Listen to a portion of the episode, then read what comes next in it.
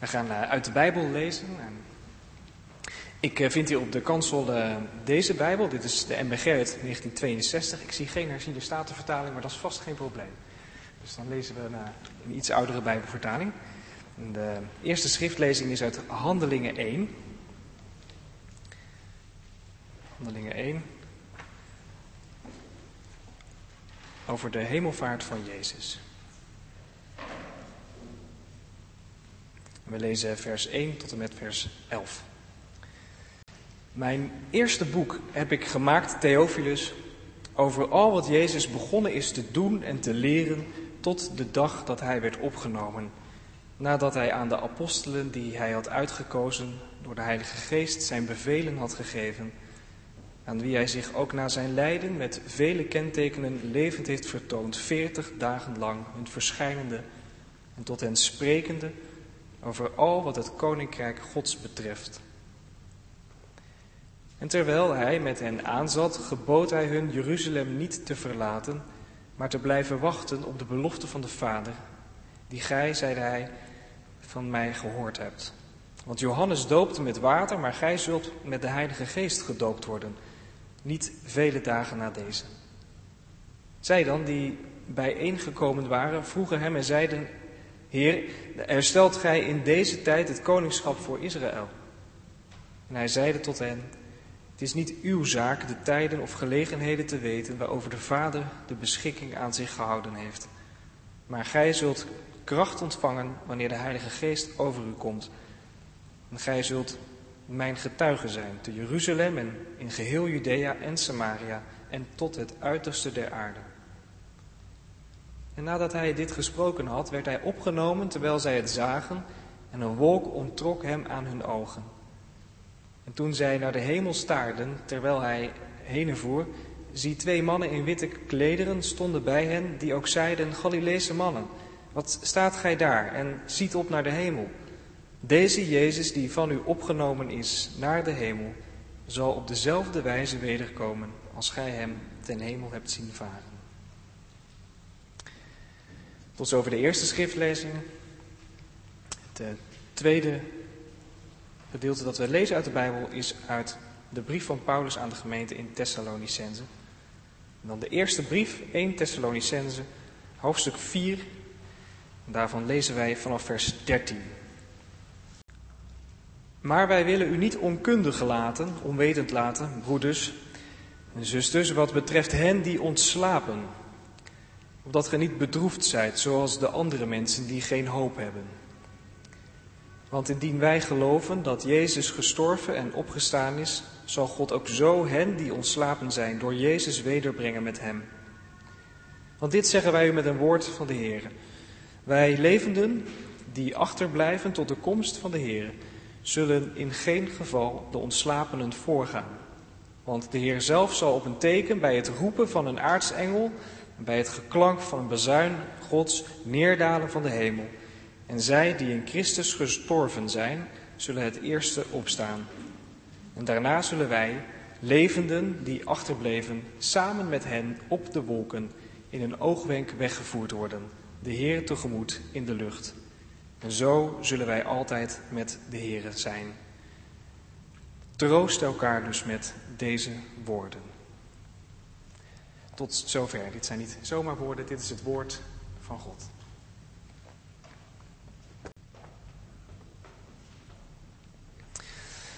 Ik heb er eh, één vers even uitgelicht.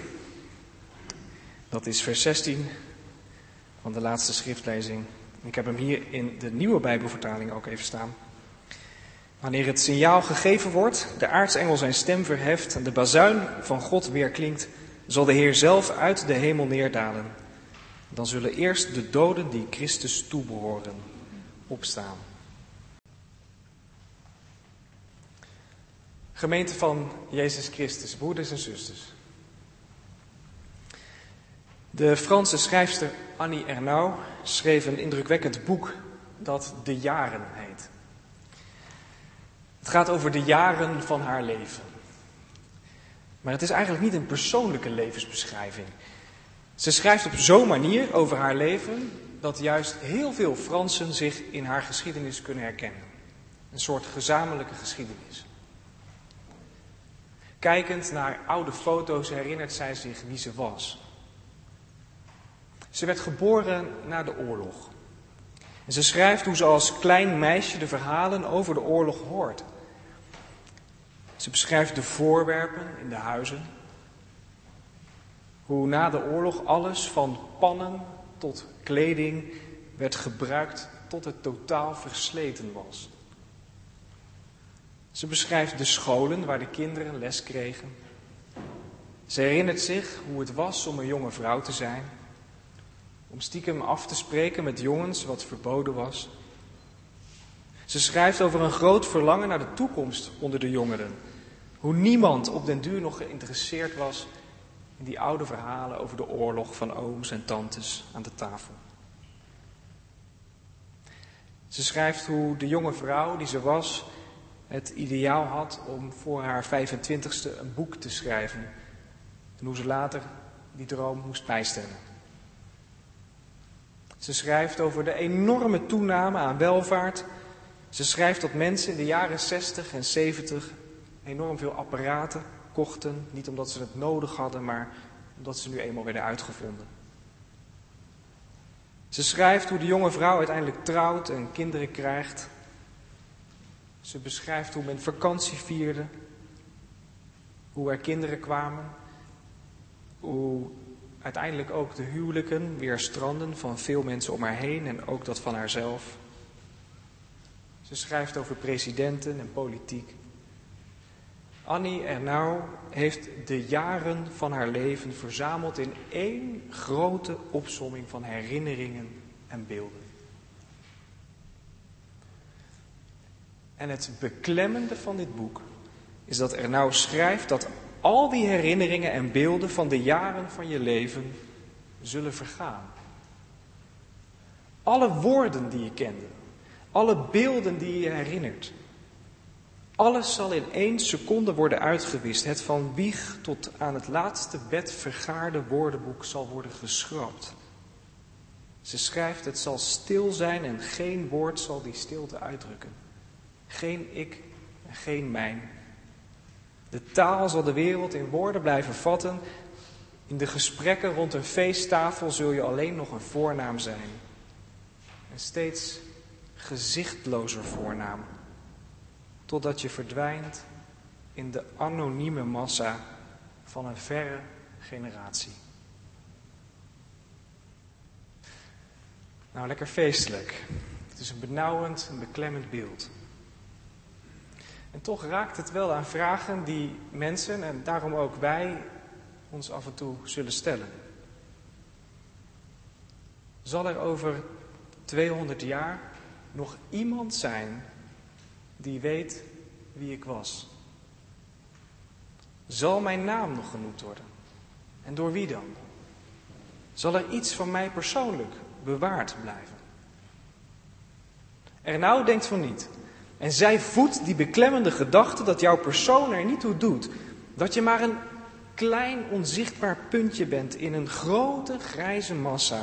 En je deint wat mee tijdens je leven. Je denkt dat je uniek bent, maar intussen, je doet wat iedereen doet, zo ongeveer. En dan, als je sterft, verdwijn je dus in het duister. Het is afgelopen. Afgelopen week vierden wij hemelvaart. We hebben gevierd dat Jezus was opgestaan uit de dood. En dat hij is opgevaren naar de hemel. Terwijl zijn leerlingen toekeken op dat moment, toen gebeurde het, werd Jezus in de lucht opgenomen. Tot een wolk hem aan hun zicht ontrok.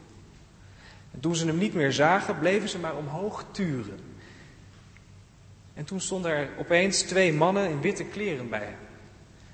En zij zeiden iets heel belangrijks. Galileërs, zeiden zij, wat staan jullie nou naar de hemel te kijken? Jezus, die uit jullie midden in de hemel is opgenomen, zal op dezelfde wijze terugkomen zoals jullie hem naar de hemel hebben zien gaan. Bekende woorden en deze woorden vormden de verwachting van de eerste christenen. En geloofde dat Jezus echt heel snel zou terugkeren. vanuit de hemel, zoals hij was vertrokken. En zo dachten ook de gelovigen in de stad Thessalonica. Jezus Christus zou spoedig terugkeren vanuit de hemel naar de aarde. Maar de jaren verstreken. Het leven ging steeds maar verder. En misschien keken de eerste christenen vaak naar de wolken of Jezus al terugkwam. Maar op den duur werd niet langer elke wolk nog gezien als een wolk die Christus komst aan het oog zou kunnen onthullen. Het gewone leven ging verder. En toen ontstond er zelfs nog wat onduidelijkheid over de terugkomst van Jezus. Wat was het geval? In de kerk in Thessalonica waren mensen overleden. Oude mensen of jonge mensen, dat weten we niet. Maar er waren dus mensen gestorven. De vraag was, hoe zat het dan met hen? Zouden zij de terugkeer van Jezus nu moeten missen? Omdat ze niet meer leefden. De doden waren vertrokken en hard op weg naar die anonieme massa van een verre generatie. Waarom was Jezus nog niet teruggekomen? En het is alsof de paniek bij het graf van Lazarus zich hier herhaalt. Misschien kent u die scène uit het Johannesevangelie. Lazarus is ziek. Jezus wordt erbij gevraagd, maar laat op zich wachten. En als hij er dan uiteindelijk is, zegt Martha, de zus van Lazarus, tegen Jezus, als hij al gestorven is, Heer, als u hier was geweest, dan zou mijn broer niet zijn gestorven. En nu zoveel jaren later, na de hemelvaart, laat Jezus opnieuw op zich wachten. En wordt die vraag opnieuw gesteld. Waar blijft u? En hoe zit het met die mensen die nu zijn gestorven?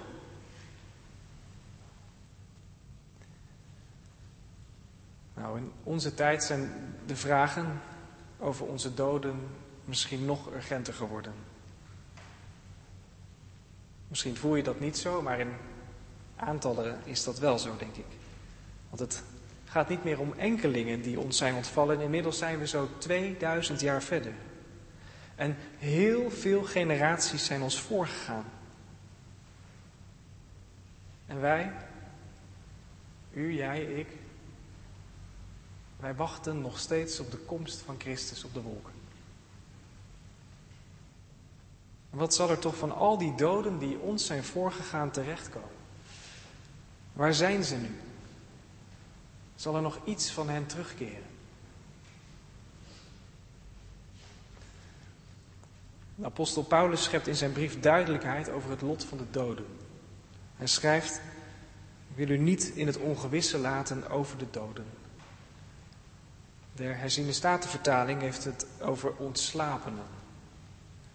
De Naardense vertaling schrijft heel mooi: Wij willen niet dat gij onkundig blijft over hen die slapen. Dat is letterlijk wat Paulus schrijft. De doden noemt hij de slapenden.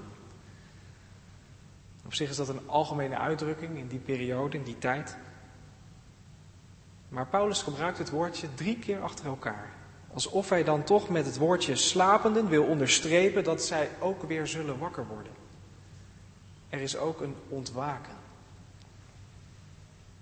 jullie moeten iets weten aangaande de slapenden, zodat u niet hoeft te treuren zoals de mensen die geen hoop hebben. Dit moeten jullie weten. Dat als wij geloven dat Jezus gestorven en opgestaan is, dat God op dezelfde manier hen die in Jezus ontslapen zijn zal terugbrengen met Hem. Christenen kunnen ook verdrietig zijn en rouwen en treuren. Maar zij hoeven dat niet te doen als mensen zonder hoop.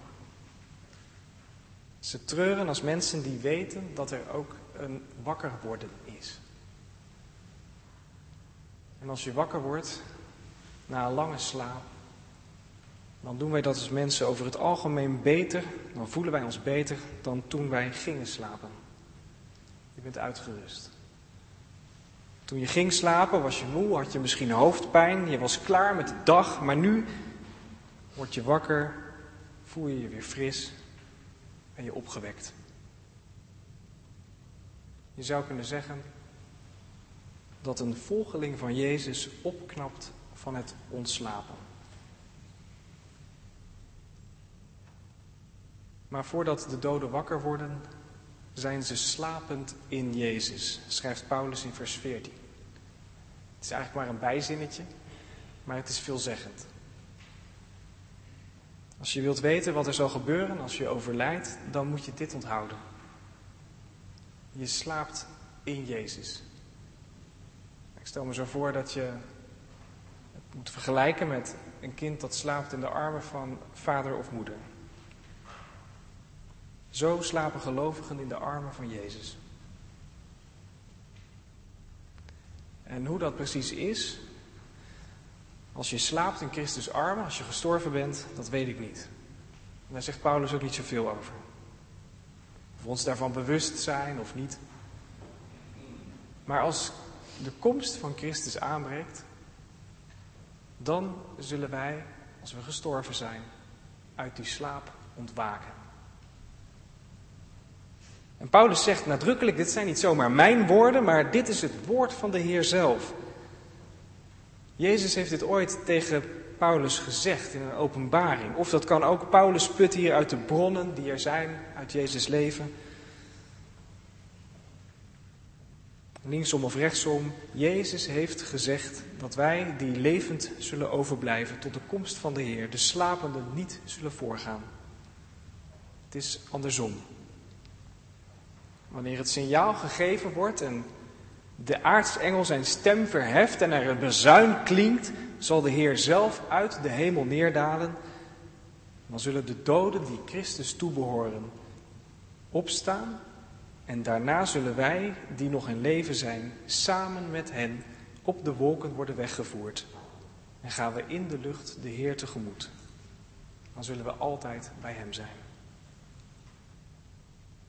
De doden gaan de levenden dus voor, schrijft Paulus. Zij zullen eerst opstaan. En dat staat haaks op wat veel mensen denken. En op wat Annie Ernauw in haar boek schrijft. Dat de doden verdwijnen. Dat de doden vergeten worden.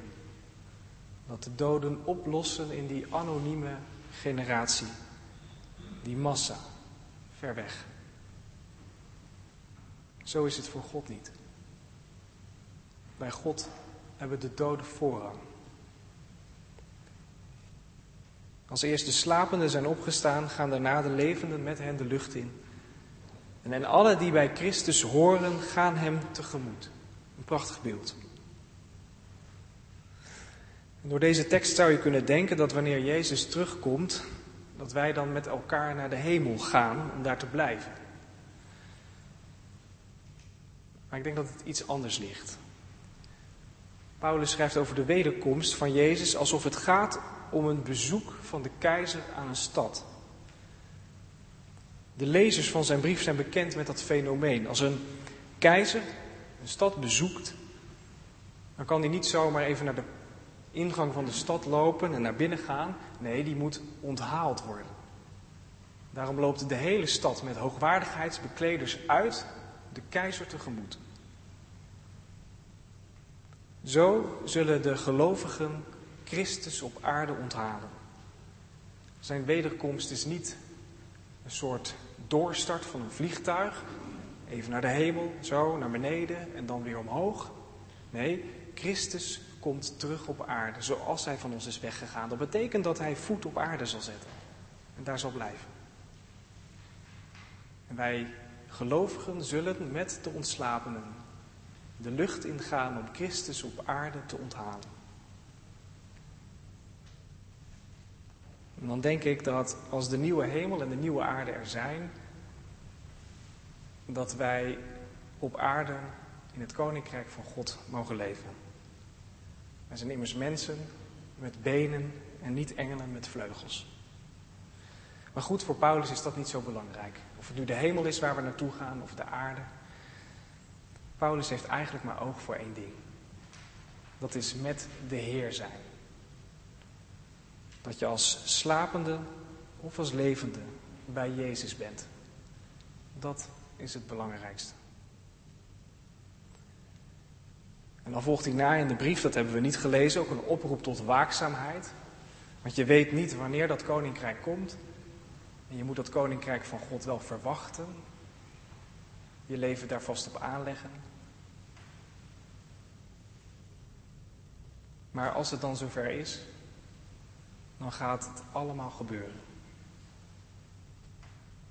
Kun je je dit een beetje voorstellen? Kun je dit een beetje voor je zien?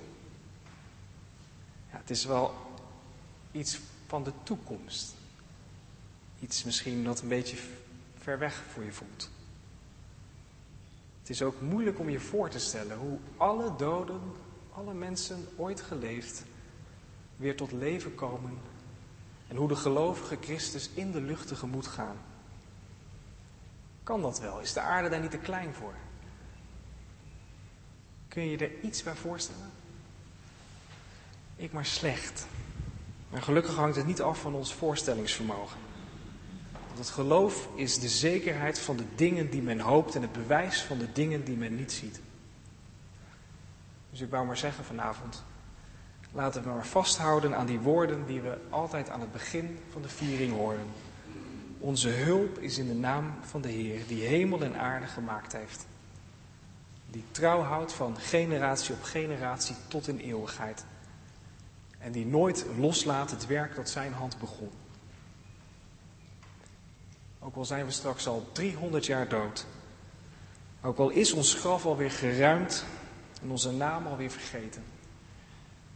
Als we in Christus armen ontslapen, zullen we zelfs de levenden nog voorgaan.